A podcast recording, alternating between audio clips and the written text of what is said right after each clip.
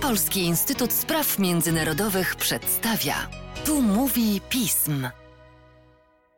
W podcaście Polskiego Instytutu Spraw Międzynarodowych. Witam Państwa Łukasz Szyśna. Witam Państwa bardzo serdecznie. Dziś temat, którego jak do tej pory chyba na naszych łamach nie było, bo chyba nie rozmawialiśmy o Maroku. Witam Jędrzeja Czerepa, naszego specjalistę od spraw afrykańskich. Dzień dobry.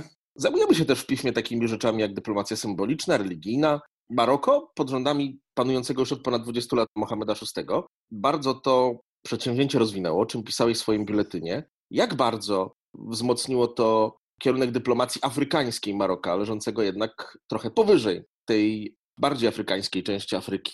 No właśnie, ta afrykańskość Maroka to jest naszym pierwszym skojarzeniem. Maroko jest w Afryce Północnej, to nam się zazwyczaj kojarzy jako coś zupełnie innego niż ta czarna Afryka subsaharyjska. Tymczasem tych powiązań zawsze było bardzo dużo. To Maroko było jednym z krajów inicjujących powstanie Organizacji Jedności Afrykańskiej. Pamiętam z starszego pokolenia Marokańczyków, kiedy mieszkałem w Maroku, wielu z nich ma na przykład tatuaż na ramieniu z mapą Afryki, z hasłami typu Africa Unite, więc ta afrykańska odnoga Maroka zawsze była gdzieś, tak może nie do końca z powodów politycznych pasująca, ale, ale zawsze była taką opcją. No i Maroko, kiedy uświadomiło sobie, że nie ma za bardzo możliwości dołączenia na przykład do Unii Europejskiej, ani w Magrebie, w Afryce Północnej, też stare konflikty z Algierią nie bardzo dają możliwość jakiegokolwiek rozwoju relacji, wybrało Afrykę Subsaharyjską jako swój główny kierunek reorientacji swojej polityki zagranicznej, gospodarczej, soft power i wszystkiego, co tylko można sobie wymyśleć. A żeby to zrealizować,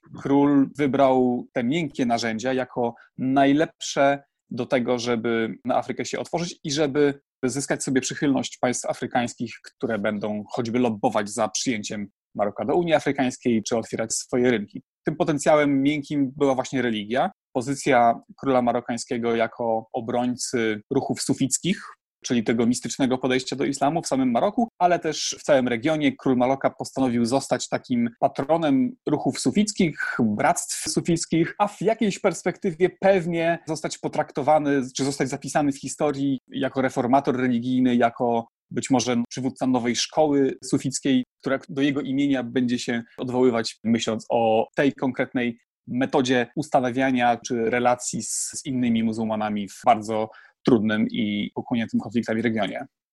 Jędrzeju, ale z drugiej strony mamy przecież jeszcze ciągle istniejącą pewnie w zachodniej Afryce pamięć o tym, że Maroko nie zawsze stosowało wyłącznie miękkie narzędzia. To jednak państwo, które potrafiło prowadzić wojny i było dość drapieżnym aktorem tego, co się w Afryce Zachodniej działo. No, Maroko, jego granice historycznie w różnych okresach sięgały nawet dzisiejszego Senegalu, więc Maroko ma dosyć dużą historię po prostu kontroli politycznej terytoriów dzisiaj zaliczanych do Afryki Zachodniej. No, Sahara Zachodnia, o której ostatnio było słychać z powodu uznania marokańskiej zwierzchności nad Saharą Zachodnią przez Stany Zjednoczone, jest tego najlepszym przykładem. Trochę zapominając o historycznych zmianach w świadomości, jakie zaszły wśród zachodnich Saharyjczyków, Maroko po odpuszczeniu Hiszpanów z tego terytorium w latach 70. postanowiło zaanektować całe to terytorium, uznając, że to jest nasza historycznie marokańska ziemia i koniec kropka. Nie ma żadnej niepodległości, nie ma żadnej dyskusji, to będzie nasze. Przejmiemy, a później na nowo skolonizujemy ten teren, czyli osiedlimy tam swoich własnych obywateli. I ten konflikt o Saharę Zachodnią właściwie wypchnął Maroko z Unii Afrykańskiej, odciął ją od Afryki subsaharyjskiej. Te relacje właściwie skurczyły się tylko do takich tradycyjnych, silnych więzów z Senegalem, też zresztą podbudowanych religijnie.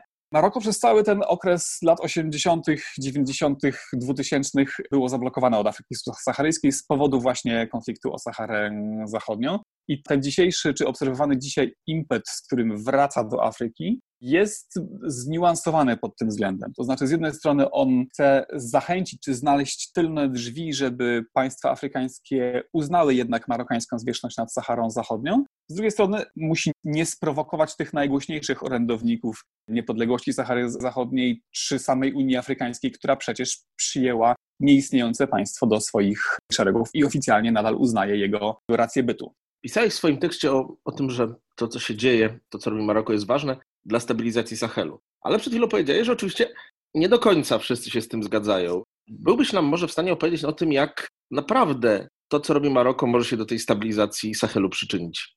No, Sahel jest regionem, w którym po upadku jako konkretu, jako jakiegoś takiego widocznego, namacalnie światowego ruchu terrorystycznego i po upadku państwa islamskiego jako formy parapaństwa, Sahel stał się właściwie światowym centrum dżihadyzmu. To tam frakcje powiązane z Al-Kaidą i frakcje powiązane z państwem islamskim mają największe możliwości działania i tam właściwie jest dzisiejszy, dzisiejszy środek ciężkości ich aktywności, ich rozwoju. Od 10 lat toczy się w Sahelu światowa wojna z dżihadyzmem czy z tymi ruchami terrorystycznymi, której końca nie widać. To jest bardzo podobna sytuacja do tej z Afganistanu czy z Iraku. Jak już kiedyś się to zaczęło, to można zwiększać, zwiększać bez końca, a i tak źródeł problemu się w tym sposobem nie udaje wyeliminować. Więc od paru lat coraz intensywniej gdzieś kuluarowo myśli się nad tym, żeby jeśli nie wojskowo, to jak można ten Sahel ustabilizować, jak można odciąć korzenie tym ekstremistom. No i Maroko daje na to odpowiedź, czy przynajmniej podpowiada odpowiedź światu zachodniemu,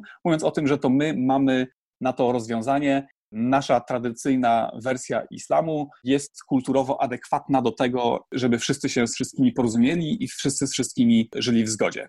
Maroko chciałoby, żeby świat tak potraktował Królestwo Maroka, cedując na niego całą działkę dialogu religijnego. Maroko próbuje to robić, na przykład podczas ostatnich niepokojów politycznych w Mali, kiedy doszło do zamachu stanu w ubiegłym roku, próbowało negocjować pomiędzy odchodzącym prezydentem a głównym przywódcą opozycji Imamem Diko, salafickim kaznodzieją. Maroko też odegrało swoją rolę w, w Libii. Tam doprowadziło do powstania rządu jedności narodowej uznawanego przez ONZ za oficjalną reprezentację libijską. To, to marokańska dyplomacja doprowadziła do tego porozumienia. Więc próbuje w, pojawiać się tam, gdzie są jakieś punkty zapalne, choć jak na razie nie jest to jakiś spektakularny dorobek dyplomatyczny, bo jednak soft power jest dziedziną miękką, a twardych instrumentów finansowych, militarnych Maroko aż tak silnych nie ma.